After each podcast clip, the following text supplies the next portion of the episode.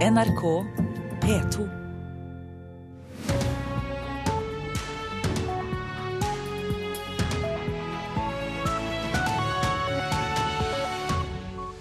Fremskrittspartiet vil premiere superelever. Vil gi pengepremier til elever som fullfører videregående på kun to år. Så mange som 300 vil få borrelia-smitte etter flåttbitt i år. Det frykter folkehelsa.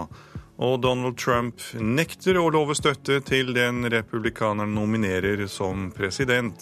Det gjorde han i den store debatten i natt.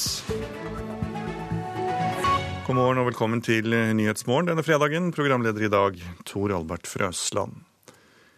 Frp vil premiere ekspresselever som fullfører videregående skole på to i stedet for tre år. Leder av FrPs kunnskaps- og familieutvalg, Sylvi Listhaug, sier en økonomisk gulrot vil få flere til å fullføre videregående og komme seg i jobb. Kunnskapsdepartementet er skeptisk. Det er også elevene. Inne på Universitetet i Oslo har det så smått begynt å livne til igjen etter sommeren. En som har inntatt lesesalen allerede, er Anna Birk Hellnes. Hun synes det høres bra ut å skulle få betalt for å ta videregående skole på kortere tid, men tror det også kan sende ut feil signaler. Det kan jo hende at det vil friste en del til å gjøre det, ikke fordi de ville gjøre det på to år og ville ha mer utfordring, men pga. pengene. Og det blir jo egentlig litt feil. Som leder av FrPs kunnskap- og familieutvalg ønsker nemlig Sylvi Listhaug at flere skal ta videregående skole på to år istedenfor tre som de fem elevene som begynner på Hersleb videregående skole i Oslo om en uke. Fordi at dette er samfunnsøkonomisk veldig bra. Vi får flere kompetente uh, hender ut i arbeid raskere. Og det er også bra for den enkelte som kommer raskere i jobb, uh, raskere inntekt. Hun ønsker derfor å motivere med en økonomisk gulrot i form av et stipend eller en bonusordning på slutten av utdanningen. Ifølge Listhaug har det i skolen vært for lite fokus på de ressurssterke elevene. De elevene er i altfor stor grad glemt i norsk skole. Eh, og dette er tiltak som kan være en uh, mulighet for dem til å kunne da komme seg raskere gjennom, uh, komme seg raskere i jobb. Men hvor stor pengepremien eventuelt skal være, vil ikke Listhaug si noe om ennå. Jeg mener dette er noe som må vurderes og, og ses på nærmere. Derfor vil ikke jeg fastslå et uh, tall her og nå. Statssekretær i Kunnskapsdepartementet Birgitte Jordal er derimot mer avventende til FrPs forslag. Jeg er usikker på om det er økonomiske insentiver eh, som skal være motivasjonen for nettopp å gå inn på et sånt løp. Hun får støtte av leder i Elevorganisasjonen, Kristoffer Hansen. Han mener andre deler av den norske skolen trenger disse pengene mer. Veldig mange andre tiltak innenfor skolen som sårt trenger penger, der regjeringa nå gjør masse kutt. og Da tror jeg ikke det er disse ressurssterke elevene som nødvendigvis trenger denne premien. Men vi er jo veldig positive for at Frp nå heller vil bruke gulrot enn pisk. Om bare én uke kommer studentene tilbake til Blindern igjen. Når Anna Birk Hellnes får spørsmål om hun ville tatt videregående skole på kortere tid og fått penger for det, er svaret klart. Det ville jeg sagt et ganske klart ja til. Og Sylvi Listhaug møter skolepartiet SV til debatt i Politisk kvarter klokken kvart på åtte her i kanalene. Reporter det var Nora Evensmo Vistendal og Fredrik Lauritzen. Rektor Rune Dalvik med fra Bergen, god morgen. God morgen. Du er i Bergen, for du har tidligere vært rektor ved Bergen handelsgymnasium, som var den første skolen til å prøve ut ordningen med videregående på to år. Men linjen ble lagt ned i 2013. Hvilke erfaringer gjorde dere? Nei, det, De positive erfaringene var at Eh, ikke så overraskende at eh, det å samle motiverte elever som eh, har en klar målsetting, at det virker positivt på skoleprestasjonene. Sånn at det var vel det som kom ut av forsøket som det mest positive. Men det ble altså lagt ned, til tross for at det var positivt. Og Hvordan gikk det da med elevene som tok eh, videregående på to år? Nei, vi hadde jo i overkant av 70 eh, elever som fikk tilbud der. Det var tre klasser eh, som gjennomførte. Og det store bakdelen og det negative ved det var rett og slett at det var for mange som sluttet. Altså 40-50% av elevene sluttet. Kan du da konkludere med at det er positivt når, når eh, halvparten ikke fullførte? Eh, det er nok positivt for de som får muligheten og som har det grunnlaget som skal til for arbeidsvanene og og det som skal til for å, å, gjennomføre det. Men det er klart at det er et dilemma her at det kan bli for eh, heseblesende og for mye instrumentelt i forhold til eh, eh, den faglige fordypningen som en da har muligheter for i et treårig løp. da. Og den menneskelige utviklingen òg. Som vi hørte her i innslaget, som vil Fremskrittspartiet lokke elevene med penger. Hva tenker du om den ideen? Nei, jeg tror I forhold til de utfordringene som vi så med vår modell, så tror jeg ikke at uh, noen pengepremier vil uh, påvirke uh, antallet som fullfører. Og jeg tror heller ikke at en pengepremie vil på, altså, ha noe positivt å si for læringsarbeidet som Hvorfor blir utført. Nei, jeg tror rett og slett ikke at den type ytre motivasjon er det som skal til for å Eh, påvirke læringsarbeidet. Her må, skal en gjennomføre et videregående løp på to år, så må du ha en, eh, en eh, klar indre motivasjon for å, å, klare å gjennomføre det og få et godt vitnemål. For det er jo målsettingen.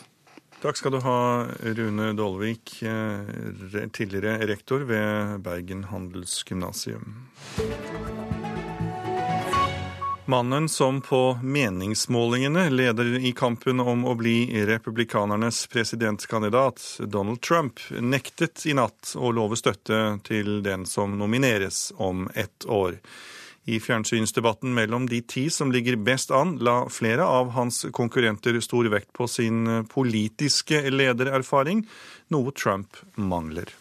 I cannot say I have to respect the person that if it's not me, jeg vil ikke si at jeg lover å respektere en person som vinner og som ikke er meg, sa Donald Trump. Han var den eneste som rakk opp handa da programlederne i fjernsynsdebatten på Fox News ba dem som ikke vil støtte den personen det republikanske partiet nominerer neste sommer, om å rekke armen i været.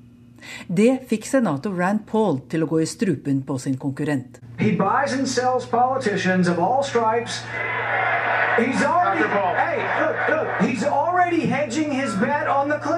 Han kjøper seg politikere av alle farger. Han satser allerede på Clintons, sa Rand Paul med referanse til en telefonsamtale Trump nylig skal ha hatt med Bill Clinton. Eller kanskje han stiller som uavhengig, sa Paul. Trump beklaget ellers verken konkurser, kjøp av politikerstøtte eller nedsettende uttalelser om kvinner som fete griser og hunder. So people,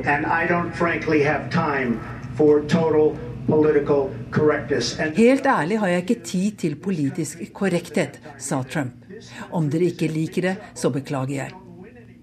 Nummer to på meningsmålingene, Jeb Bush, framsto som det fremste ansvarlige alternativet i debatten, med stadig referanser til sin åtte år lange guvernørerfaring i Florida. In Florida they call me Jeb, because I earned it.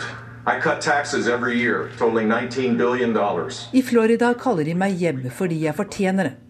Jeg kuttet skattene hvert år i alt 19 milliarder dollar og balanserte budsjettene, sa Jeb Bush, som framsto som litt tørr, men veldig ansvarlig i debatten. Den vanligvis som munnrappe senator Ted Cruz fra Texas led åpenbart i skyggen av den enda mer spissformulerte Donald Trump, mens Ohios egen guvernør, John Casick, framsto som debattens varmeste forsvarer av de svake i samfunnet.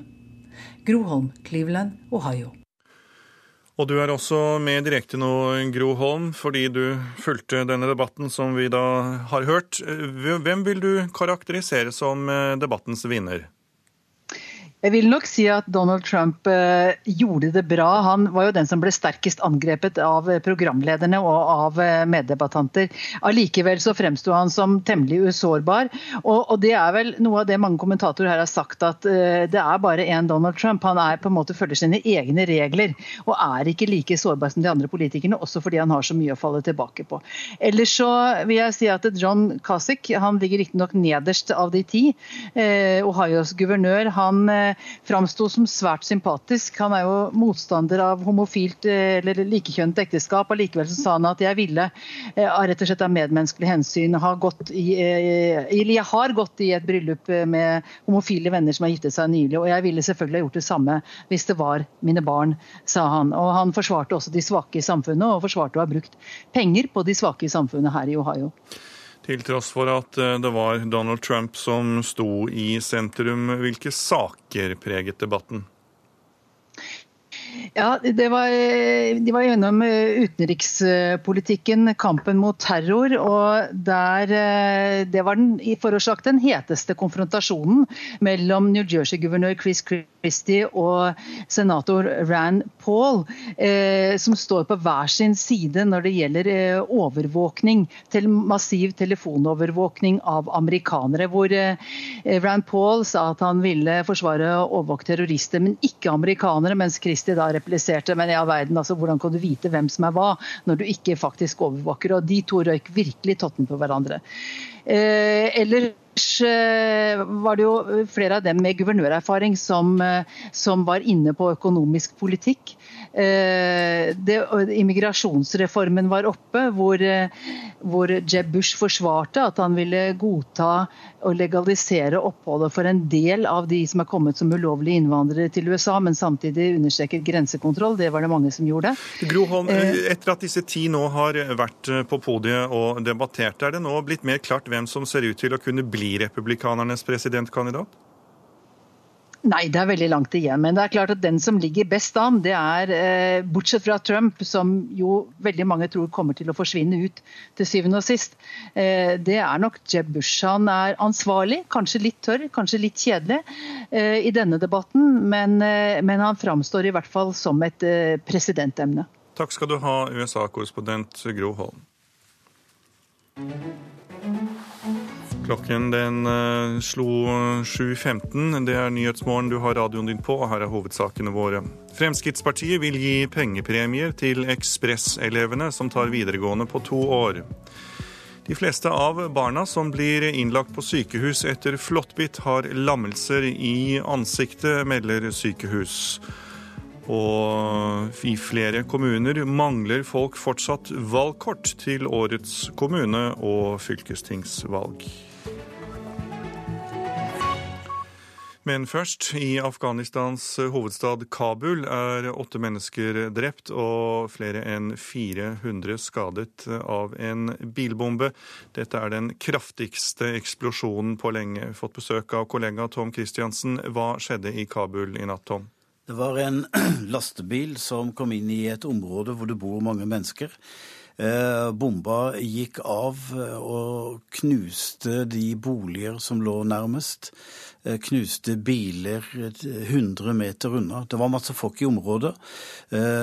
Åtte er rapportert, som du nevnte, drept. Det kan stige, det kan doble seg. Men antall skadde er jo altså da flere, flere hundre. Noen til sykehus, andre har fått plastra seg sammen. Med såpass stort skadeomfang så kan det jo tyde på at det er en kraftig bombe. Så, så, hvem kan stå bak et slikt kraftig angrep? Det er jo ingen som har sagt at eh, det er de som har detonert denne bomben. En eh, selvmordsbombe, åpenbart. Men eh, all mistanke går i retning av Taliban, som jo har stått bak en rekke andre eksplosjoner. Eh, det var bare noen dager siden at seks mennesker ble drept øst i landet. Tre av dem var politifolk. De har til og med tatt på seg ansvaret for et helikopter som styrta, trolig pga. en teknisk feil for øvrig. Og ellers andre, andre Og de har nå markert seg etter at deres profet nå er erklært som død og overtatt av en ny. Men hva kan være hensikten med denne lastebilbomben?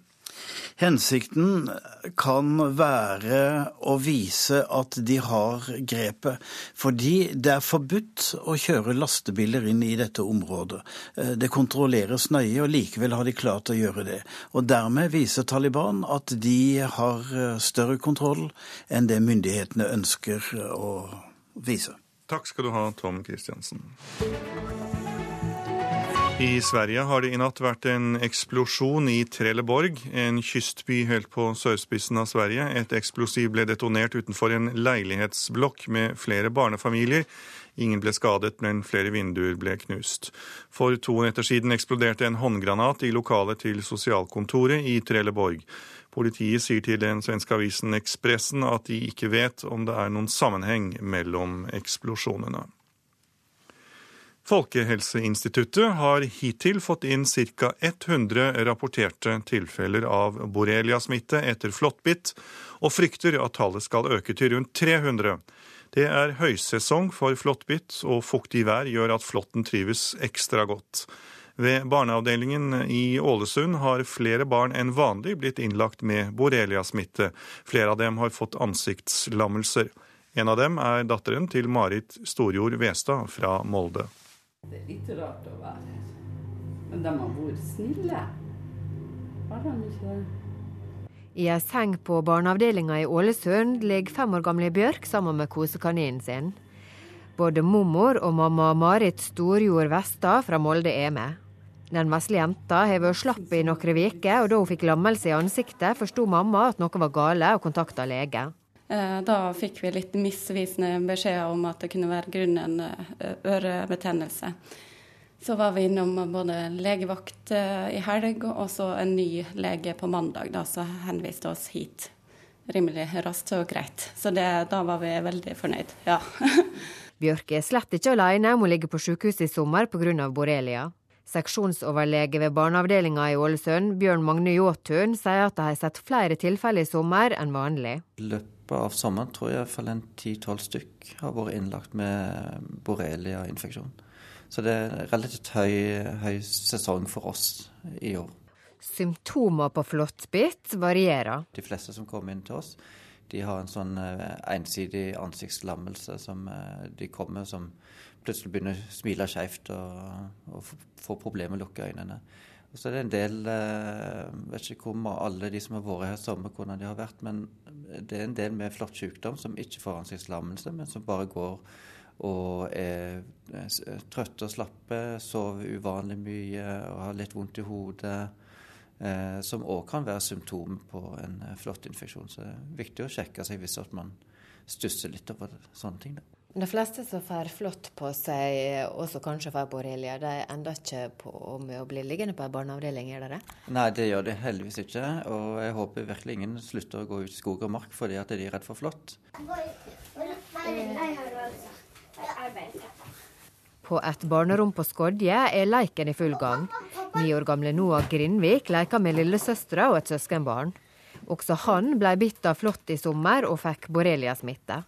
Selv om han har tatt antibiotika i flere dager, er han fortsatt lamma i halve ansiktet. Sjøl beskriver han forma si slik. Mm, litt bedre. Hvordan er det du skal smile, da? Litt skeiv sånn. Om du skal lukke øyet? Mm. Det, går, eh, det går ikke helt igjen. Det er sånn liten plass der det ikke går igjen. Mamma Linn Grindvik innrømmer at hun ble ganske redd da hun oppdaga at sønnen var lamma i halve fjeset.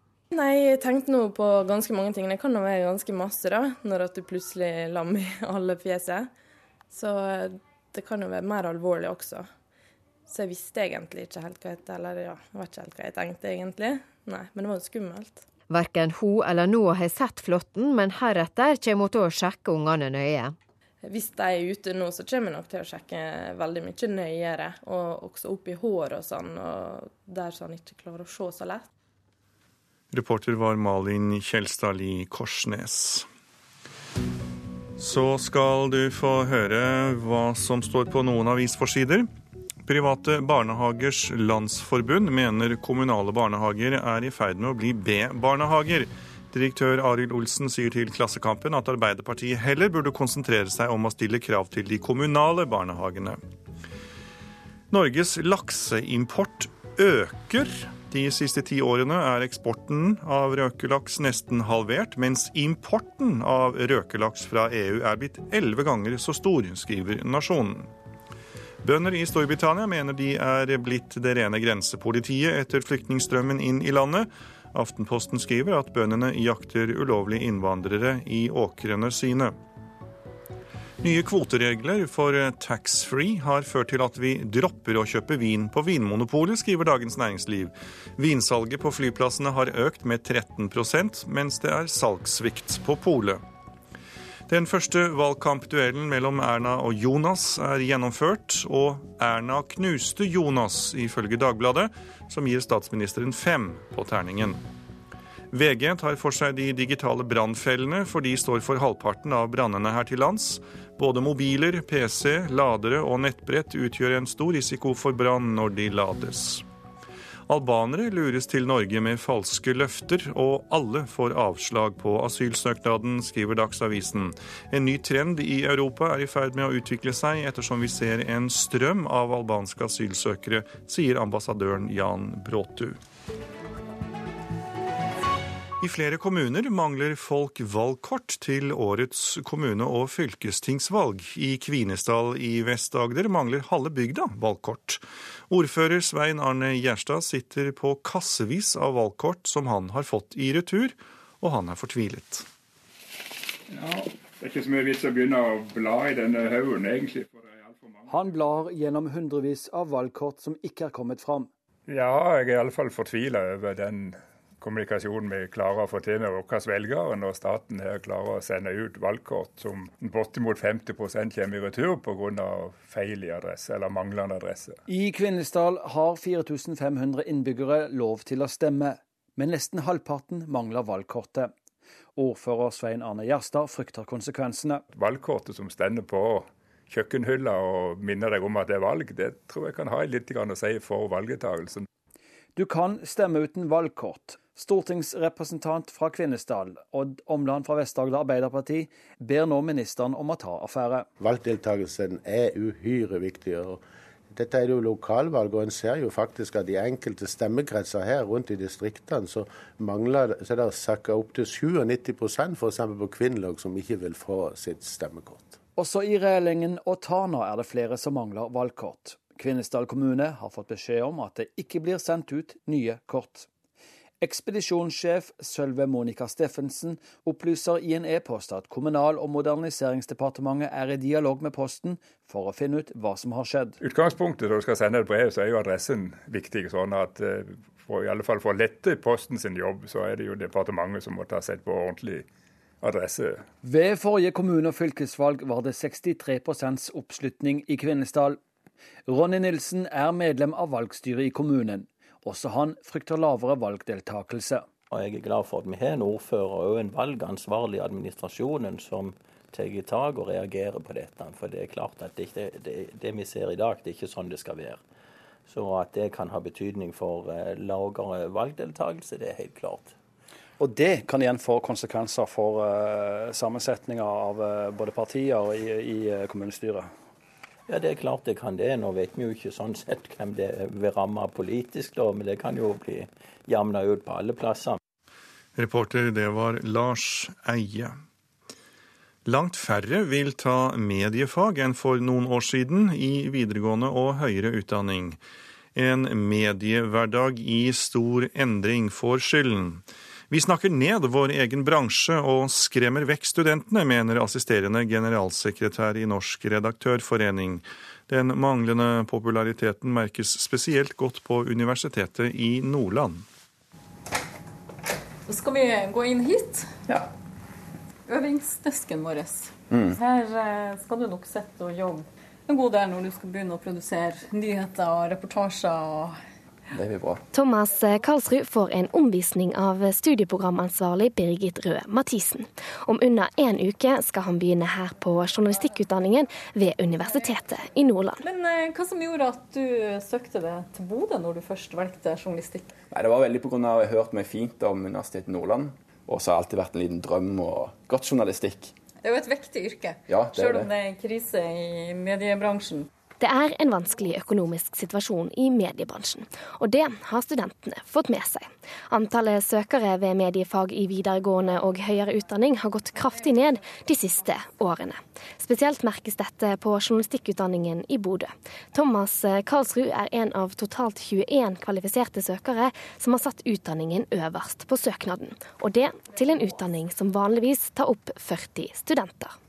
Det bekymrer studieansvarlig Røe Mathisen. Samfunnet trenger jo journalister uansett. Selv om eh, det skjer store strukturendringer, så, så vil vi jo alltid ha behov for eh, dyktige journalister. Reidun Kjelling Nybø er assisterende generalsekretær i Norsk redaktørforening. Altså, jeg tror en viktig årsak kan være at mange som er i bransjen sjøl, og som kjenner bransjen, bidrar til å snakke ned mediebransjen. Eh, rett og slett skremme bort studenter fra å søke.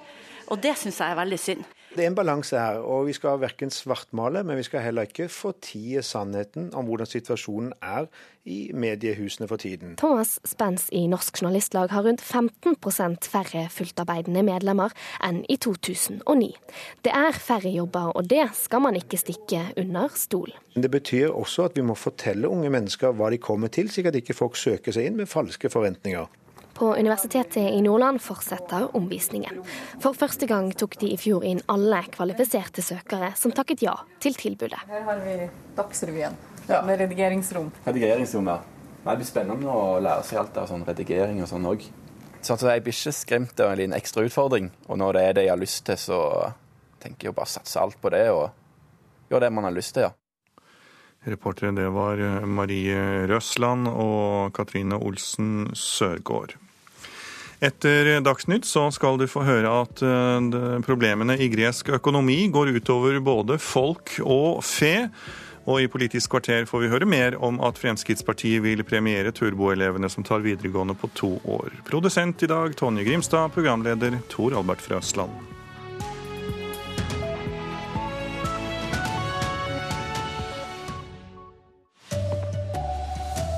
Elever som klarer videregående skole på to år, bør få pengepremie, mener Frp. Donald Trump vil ikke støtte andre presidentkandidater enn seg sjøl.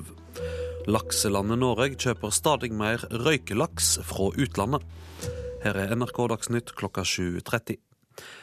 Frp vil gi pengepremie til elever som klarer å gjennomføre videregående skole på to år i stedet for tre. Leder av kunnskaps- og familieutvalget i partiet, Sylvi Listhaug, sier ei økonomisk gulrot vil få flere til å fullføre skolen og komme seg i arbeid. Kunnskapsdepartementet og elevorganisasjonene er skeptiske, og det er også elevene. Det kan jo hende at det vil friste en del til å gjøre det, ikke fordi de ville gjøre det på to år og ville ha mer utfordring, men pga. pengene. Sier student Anna Birk Hellnes, som synes det blir feil å gi elever pengepremier for å fullføre videregående skole. Sylvi Listhaug vil nemlig, som leder av FrPs kunnskap- og familieutvalg, at flere skal ta videregående på to år. Hun foreslår å gi elevene en økonomisk gulrot i form av et stipend eller en bonusordning på slutten av utdanningen. Fordi at dette er samfunnsøkonomisk veldig bra. Vi får flere kompetente uh, hender ut i arbeid raskere.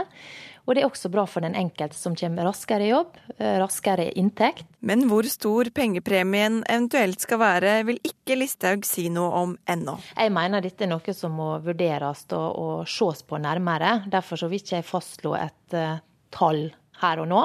Statssekretær i Kunnskapsdepartementet Birgitte Jordal er derimot mer avventende til FrPs forslag. Jeg er usikker på om det er økonomiske insentiver eh, som skal være motivasjonen for nettopp å gå inn på et sånt løp. Hun får støtte av leder i Elevorganisasjonen, Kristoffer Hansen. Veldig mange andre tiltak innenfor skolen som sårt trenger penger, der regjeringa nå gjør masse kutt. Og da tror jeg ikke det er disse ressurssterke elevene som nødvendigvis trenger denne premien. Men hva ville student Hellnes gjort hvis hun ble tilbudt penger for å ta videregående? Det ville jeg sagt et ganske klart ja til.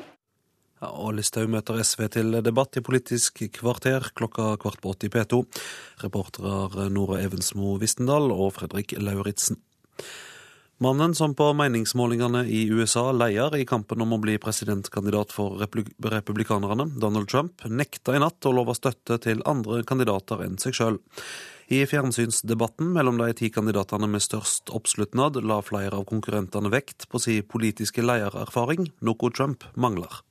I cannot say I have to respect the person that if it's not me, the person that wins. If Jeg vil ikke si at jeg lover å respektere en person som vinner og som ikke er meg, sa Donald Trump.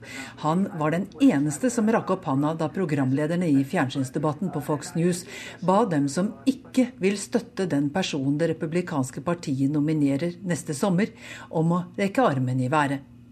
Det fikk senator Rand Paul til å gå i strupen på sin konkurrent. he buys and sells politicians of all stripes. He's already, hey, look, look, he's already hedging his bet on the Clintons. okay? Han kjøper seg politikere av alle farger. Han satser allerede på Clintons, sa Rand Paul med referanse til en telefonsamtale Trump nylig skal ha hatt med Bill Clinton. Eller kanskje han stiller som uavhengig, sa Paul. Trump beklaget ellers verken konkurser, kjøp av politikerstøtte eller nedsettende uttalelser om kvinner som fete griser og hunder. So people, frankly Helt ærlig har jeg ikke tid til politisk korrekthet, sa Trump. Om dere ikke liker det, så beklager jeg. Groholm, Cleveland, Ohio. Og den eh, første partilederdebatten i den norske valgkampen ble arrangert i går kveld. Høyre-leder og statsminister Erna Solberg møtte Arbeiderpartileder Jonas Gahr Støre. Støre setter spørsmålstegn ved om redusert formuesskatt gir flere arbeidsplasser. Jeg har ikke sett den arbeidsplassen som sier at den er oppstått fordi det er kommet et kutt i formu- formuesskatten. Og Finansdepartementet som skal svare på det, sier at vel, det blir helst mer sparing. Uklart å si effekten på eh, aktivitet i økonomien. Da kommer jeg ikke ut. Må jeg spørre hvordan du vet da, at formuesskattekuttet gir flere arbeidsplasser? For det, eh, for det hvis du reiser rundt og spør småbedrifter om hva de bruker pengene til når de ikke må ta de ut av bedriften for å betale formuesskatten, så sier de at de bruker det til å reinvestere i forskning, utvikling. Erna Solberg, politisk kommentator her i NRK Lars Nehru Sand. Hvem var det som kom best ut av debatten? Det var Erna Solberg som eh, tidlig virket mest offensiv i eh, hele debatten og fikk det hele ordskiftet inn i sitt, eh, sitt spor. Eh, Og det er også hun som kommer best ut eh, blant de avisene som har trillet terning. Gir denne debatten en pekepinn på hva som kommer til å prege valgkampen? Ja, I den forstand at nettopp arbeidsplassen i Norge kommer til å ligge som en, eh, en eh, hovedlinje gjennom valgkampen, selv om det ikke direkte handler om kommunenes eh, situasjon. Men fordi det er en usikkerhet i norsk økonomi, så kan det bli en X-faktor i årets kommunevalgkamp. Og I tillegg så er det jo nettopp det kommunene leverer av tjenester innen helse og skole, som selvfølgelig også vil prege en kommunevalgkamp i år som tidligere år. Politisk kommentator Lars Nehru Sand. Og For å stemme så trenger en eh, valgkort. I flere kommuner mangler folk valgkort til kommune- og fylkestingsvalget. I Kvinesdal i Vest-Agder mangler halve bygda slike kort. Ordfører Svein Arne Gjerstad sitter på kassevis av valgkort som han har fått i retur, og er fortvila. Ja, det er ikke så mye vits å begynne å bla i denne haugen, egentlig. for det er alt for mange. Han blar gjennom hundrevis av valgkort som ikke er kommet fram. Ja, jeg er iallfall fortvila over den kommunikasjonen vi klarer å få til med våre velgere, når staten her klarer å sende ut valgkort som bortimot 50% kommer i retur pga. feil i adresse eller manglende adresse. I Kvinesdal har 4500 innbyggere lov til å stemme, men nesten halvparten mangler valgkortet. Ordfører Svein Arne Gjerstad frykter konsekvensene. Valgkortet som stender på kjøkkenhylla og minner deg om at det er valg, det tror jeg kan ha litt å si for valgdeltakelsen.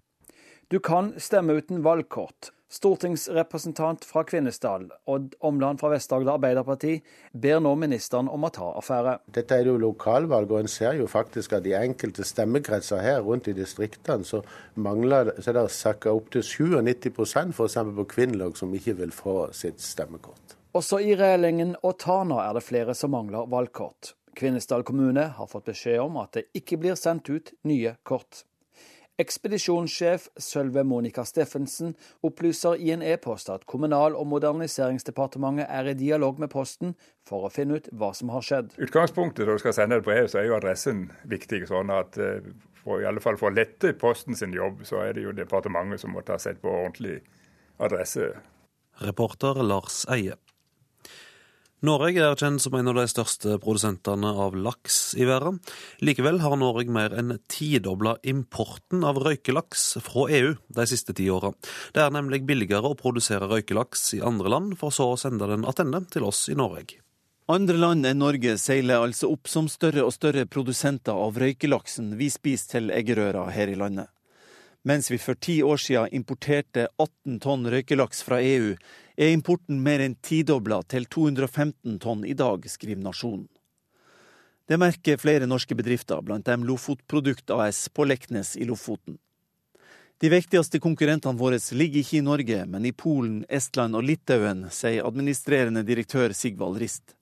Forklaringa er rimeligere arbeidskraft, og at det er toll på norsk eksport av røykelaks til EU, men ikke motsatt vei. Det går likevel ikke dårlig med norsk fiskeeksport. Den slo alle rekorder målt i kroner og øre første halvår i år. Men det er lenge siden en del produksjon av det vi oppfatter som nærmest nasjonalprodukt, havna i andre land. Makrellfileten fra stabburet som du kanskje har på brødskiva akkurat nå, f.eks., den er siden 2008 blitt produsert i Sverige. Reporter Kjartan Rørslett. Politiet, Røde Kors og luftambulanse har i natt leita etter tre kvinner som er savna ved Snøhetta på Dovrefjell. Røde Kors har hatt kontakt med de savna, men en kommer ikke fram med helikopter grunnet dårlig vær. Og I Jotunheimen blir det leita etter en svensk mann i 40-åra. Mannen har ikke gitt lyd fra seg siden han gikk fra Skogadalsbøen i går formiddag, opplyser politiet. Det er viktig for norsk toppfotball at flere lag har spilt seg videre i Europacupen. Det mener toppfotballsjef Nils Johan Sem. Rosenborg slo ut ungarske Debretzen, medan Sem sjøl var i Skien i går, og så Odd slå ut Elfsborg fra Sverige. De var solide i alt de gjorde. De slapp veldig eh, lite sjanser. De spilte bra angrepsfotball, skapte, lagde to fine mål. Skapte to-tre andre store sjanser. og i det hele tatt gjennomførte en, eh, en bånnsolid kamp med mange gode, gode prestasjoner, syns jeg. Toppfotballsjef Nils Johan Sem og Strømsgodset røyk ut for kroatiske Hajduk Split etter tap både hjemme og borte. Ansvarlig for eh, sendinga Arne Fossland, teknisk ansvarlig Marianne Myrhol. Her i studio Vidar Eidhammer. Og her i Nyhetsmorgen skal vi til Hellas, for selv om landet har blitt lovet nye lån fra EU på nær 800 milliarder kroner, er tilliten til landets banker på et bunnivå. Derfor er det fremdeles strenge restriksjoner på pengeoverføringer til utlandet, og det går utover både folk og fe, og det oppleves hardt i en zoologisk hage utenfor Aten. We do our best to keep animals happy. Jean-Jacques Leseur er tydelig stolt der han kjører golfbilen rundt på de brosteinslagte stiene i Attica zoologiske hage, som han selv grunnla for åtte år siden. So here, you know, nice Den blide franskmannen er opptatt av at dyrene skal være lykkelige, og da må de kunne spise godt. What, what do you feed the lions? Well, we, well, we feed the meat. Eh? We use a lot of, uh, of chicken, whole chicken. Og kylling er det nok av selv i et kriserammet Hellas så løver og leoparder kan fortsette å sløve i solen med visshet om at det alltid kommer et neste måltid. Andre dyr er det derimot verre for. En vakker flokk flamengoer balanserer majestetisk på ett bein i den lille dammen rett innenfor hovedinngangen. And we have complete diet for flamingos. Flere av dyrene, som maurslukere, apekatter og eksotiske fugler, er helt avhengige av denne typen spesialdietter. Men nylig sa det stopp. For å hindre kapitalflukt til utlandet har den greske staten nemlig innført strenge begrensninger på pengeoverføringer til utlandet. Slik havnet dyrehagen i klammeri med selskapene som selger dem spesialdietten. I've got capital controls. I cannot pay you because uh, the procedure is not in place yet for, for payment abroad. And you know, it's like you're putting a, you know, the knife under my throat and you're threatening the life of my animals. For som om ikke et kraftig fall i besøkstallene var nok. Ooh, we've got a drop in visit numbers.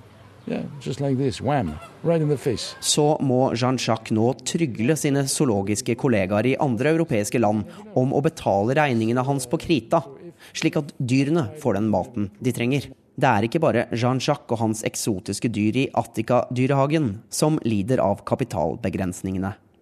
Julistatistikken for greske industribedrifter som kom ut denne uka, er uhyggelig lesning. Siden innføringen av euroen har greske bedrifter aldri produsert så lite som de gjorde i juli i år. Særlig hardt rammet er små og mellomstore bedrifter som er avhengig av å importere råvarer fra utlandet. For selv om maksbeløpet for hvor mye en enkelt bedrift kan overføre til utlandet forrige uke ble hevet, kan gresk industri samlet kun handle i utlandet for 20 millioner euro om dagen. Og hver enkelt overføring skal godkjennes av en komité i Finansdepartementet, som gir særlig prioritet til bl.a. medisinsk utstyr. Derfor står det nå konteiner på konteiner med suvenirer på havnen i Aten, som nok aldri blir solgt denne turistsesongen og kapitalbegrensningene blir i beste fall fjernet rundt nyttår. Dermed vil den greske økonomien ifølge finanseksperter den britiske avisen The Guardian har snakket med, krympe med 4% i år.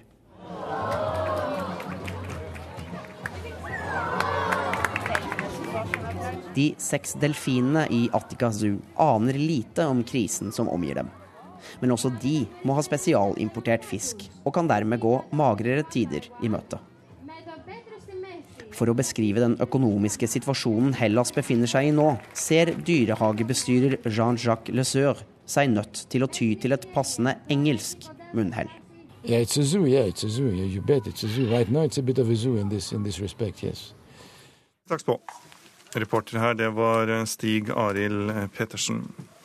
Overskrifter her i Nyhetsmorgen det er at eh, Donald Trump ikke vil støtte andre presidentkandidater på republikansk side enn seg selv. Så mange som 300 vil få borrelia-smitte etter flåttbitt i år. Det frykter folkehelsa. Og elever som klarer videregående skole på to år, bør få pengepremie, mener Fremskrittspartiet. Programleder Håvard Grønli er kommet i studio for å ta debatten om dette, for det er klart for Politisk kvarter.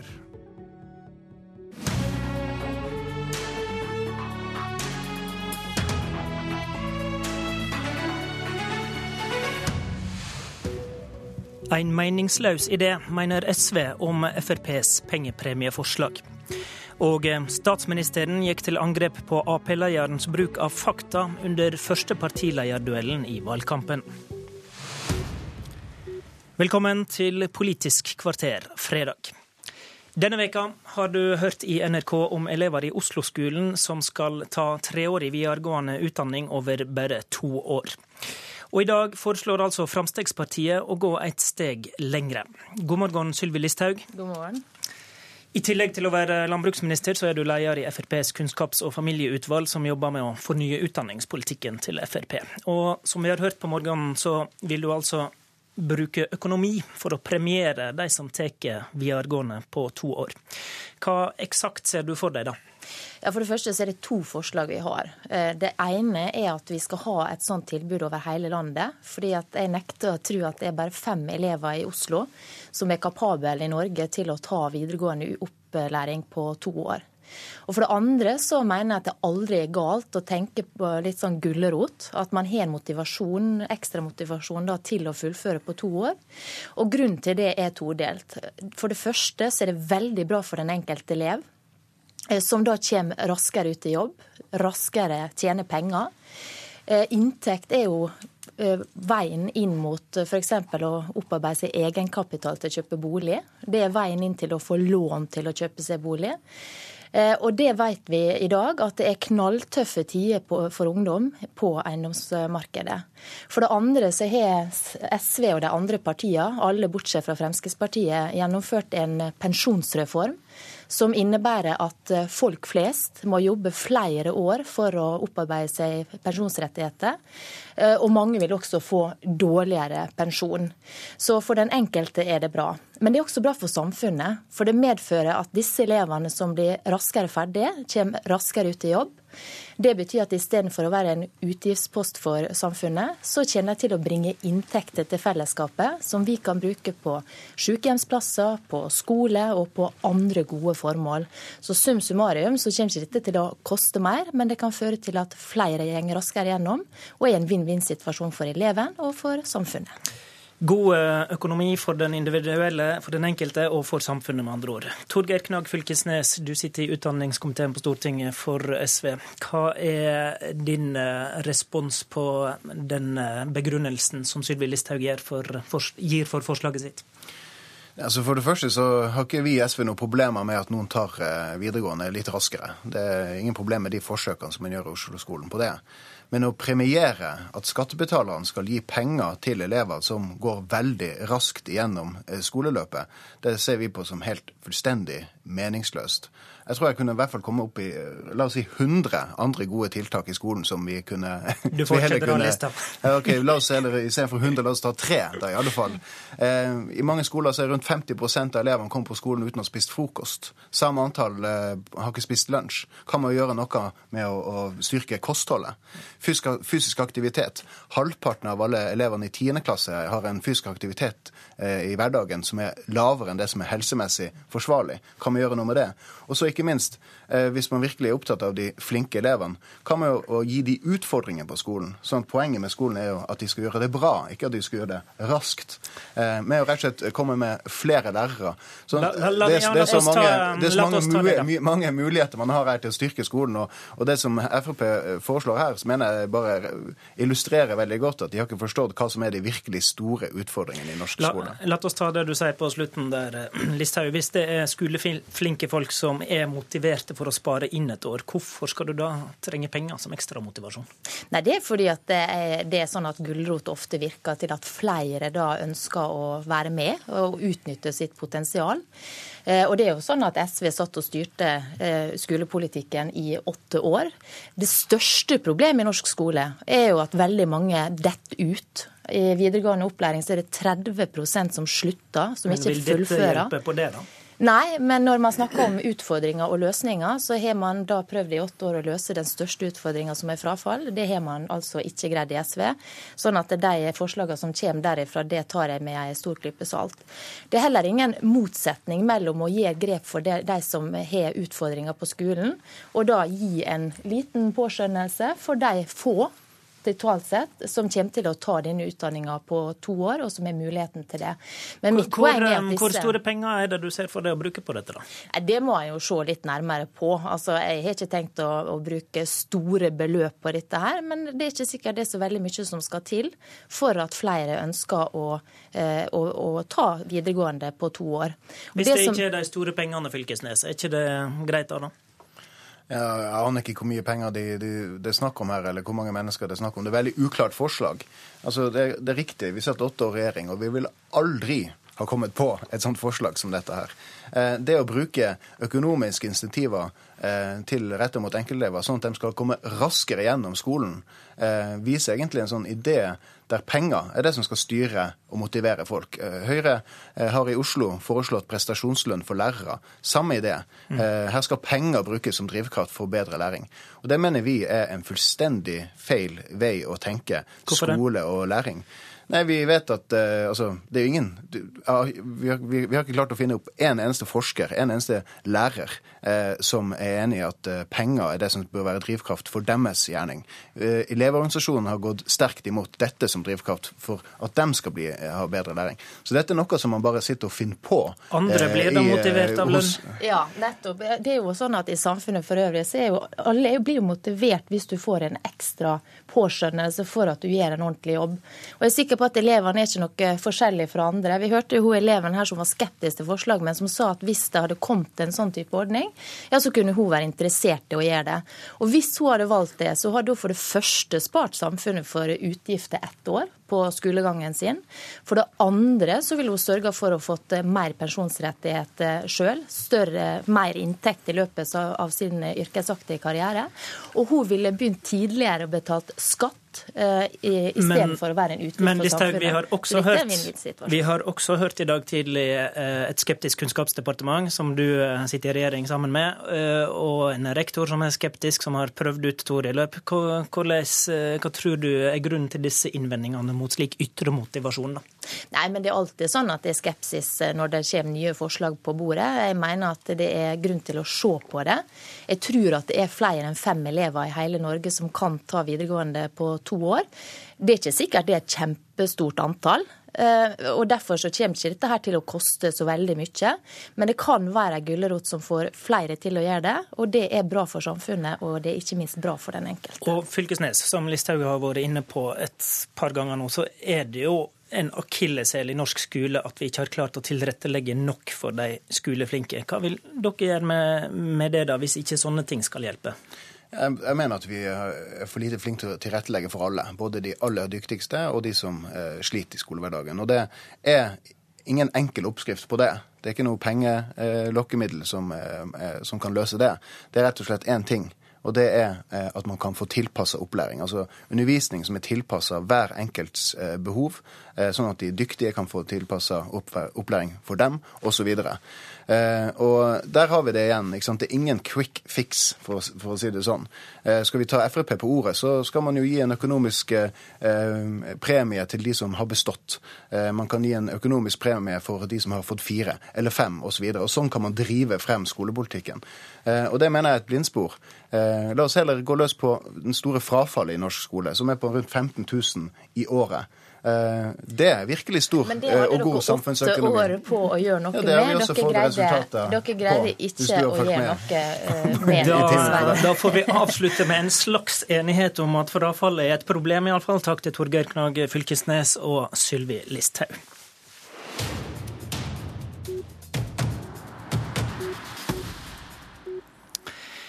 Dagbladet er ikke ei veldig blå avis. Så når forsida i dag slår fast at Erna knuste Jonas i debatt i går kveld, så er det vel mer enn god grunn til å smile i Høyres hus, er det ikke det, kommentator Lars Nehru Sand? Den vil nok bli delt i sosiale medier og alle de steder som finnes. Bakgrunnen er at i går møttes frontfigurene i valgkampen, Erna Solberg og Jonas Gahr Støre, hverandre til første valgkampduell de to imellom. Det skjedde i Høyre og Aps egen regi. Det viktigste temaet var arbeidsløse og omstilling.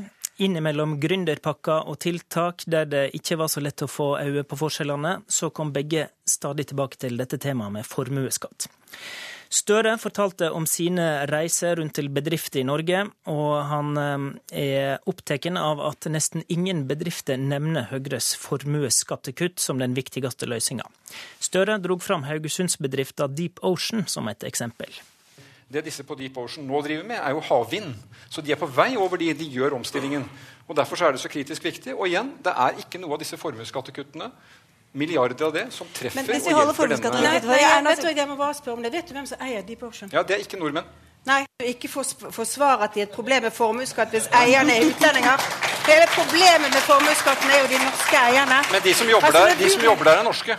Jo, men de som jobber og skatt er, er ikke temaet deres. Nei, men de betaler jo ikke formuesskatt før de jobber i en bedrift. Men det er jo de som investerer i bedriften. Lars Nehru Sand, hva skjer her? Jeg syns dette er et eh, veldig tydelig eksempel, kanskje det første virkelig store vi har sett i de tos eh, duelltid, hvor eh, man får frem de tydelige forskjellene i hva slags debattklima de trives med. Det er Erna Solbergs detaljkunnskap og, og mot Jonas Gahr Støres lange linjer. Og hennes eh, tilnærming til eh, valgkampen, eh, eller hennes retorikk, passer nok en, en eh, dynamikk og temperatur i valgkampen eh, bedre enn en hans eh, behov for å dra lengre resonnementer.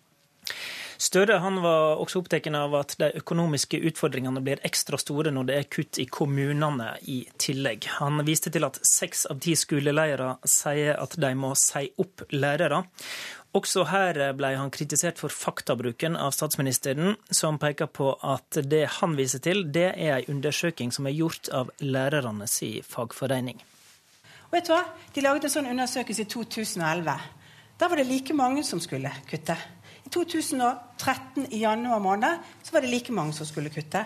Jeg syns det er litt rart hvis Arbeiderpartiet bygger hele politikken sin på en undersøkelse som en fagforening lager, og som da altså har vist nesten det samme hvert eneste år. Men statsminister, hvis du er, eh, er Uansett hvilken regjering. Ja, kjempe... Og de bruker det som hovedargument ja, mot meg hver eneste gang vi er i debatt. Det er et kjempebra poeng, og du ja. kan latterliggjøre den fagforeningen som organiserer lærerne. Nei, jeg har stor respekt for dem, men jeg ja, syns virker... vi skal være kritisk mot den typen men, undersøkelser men, men, og bruke kanskje litt annet faggrunnlag. Ja, Solberg eh, indikerer da at Støre har et problem med bruken av faggrunnlaget sitt. Har han det? I disse to tilfellene her kommer han ikke heldig ut, de to vi har hørt. Men det er klart at eh, han er avhengig av at hans resonnementer hviler på eh, noe som ikke oppfattes som omtrentlig. fordi selv om han vil løfte debatten, så kan ikke utgangspunktet for løftet holdt jeg på å si, eh, bli oppfatta som omtrentlig. Og det, det vet han selv også. Arbeidsløse er et tema der Arbeiderpartiet tradisjonelt har eh, stor truverd. Omstilling er statsministerens favorittema, og sånn sett så var jo begge på heimebane. Eh, men stor del av debatten det ble en diskusjon om det som har skjedd før, like mye om hva som skal skje framover. Hvordan arter denne kampen om historieskrivinga seg? Ja, Den er nok et resultat av at det er vanskelig for politikerne, kanskje spesielt de som sitter med ansvaret, å vite hvordan man skal dimensjonere og innrette tiltak mot en krise man ikke helt har eh, sett eh, omfanget av ennå. Eh, men det betyr at når Arbeiderpartiet prøver å snakke om gründertiltak, og dermed gå litt inn på det som tradisjonelt sett har vært eh, sakseierskap hvor Venstre og Høyre har dominert, så er det spennende å se hvor mye velger man klarer å flytte på det. Eh, og det er også eh, sånn at når det kommer til stykket, så var det ikke tydelig for meg hvor, eh, hvor forskjellig løse, eller medisin da, de to partiene ville skrevet ut eh, for den krisa som nå skjer. Og jeg tror for de fleste som ser på sånne debatter, så er jo hvordan man løser problemet nå, mer interessant enn hva som har skjedd i disse åtte årene vi har hørt mye om siden 2013. Men det er kanskje lettere å snakke om det som skjedde før? Det er ofte sånn. Takk til deg, politisk kommentator her i NRK, Lars Nehru Sand. Det var Politisk kvarter fredag. Husk at du kan laste oss ned som podkast. Programleder i dag var Håvard Grønli.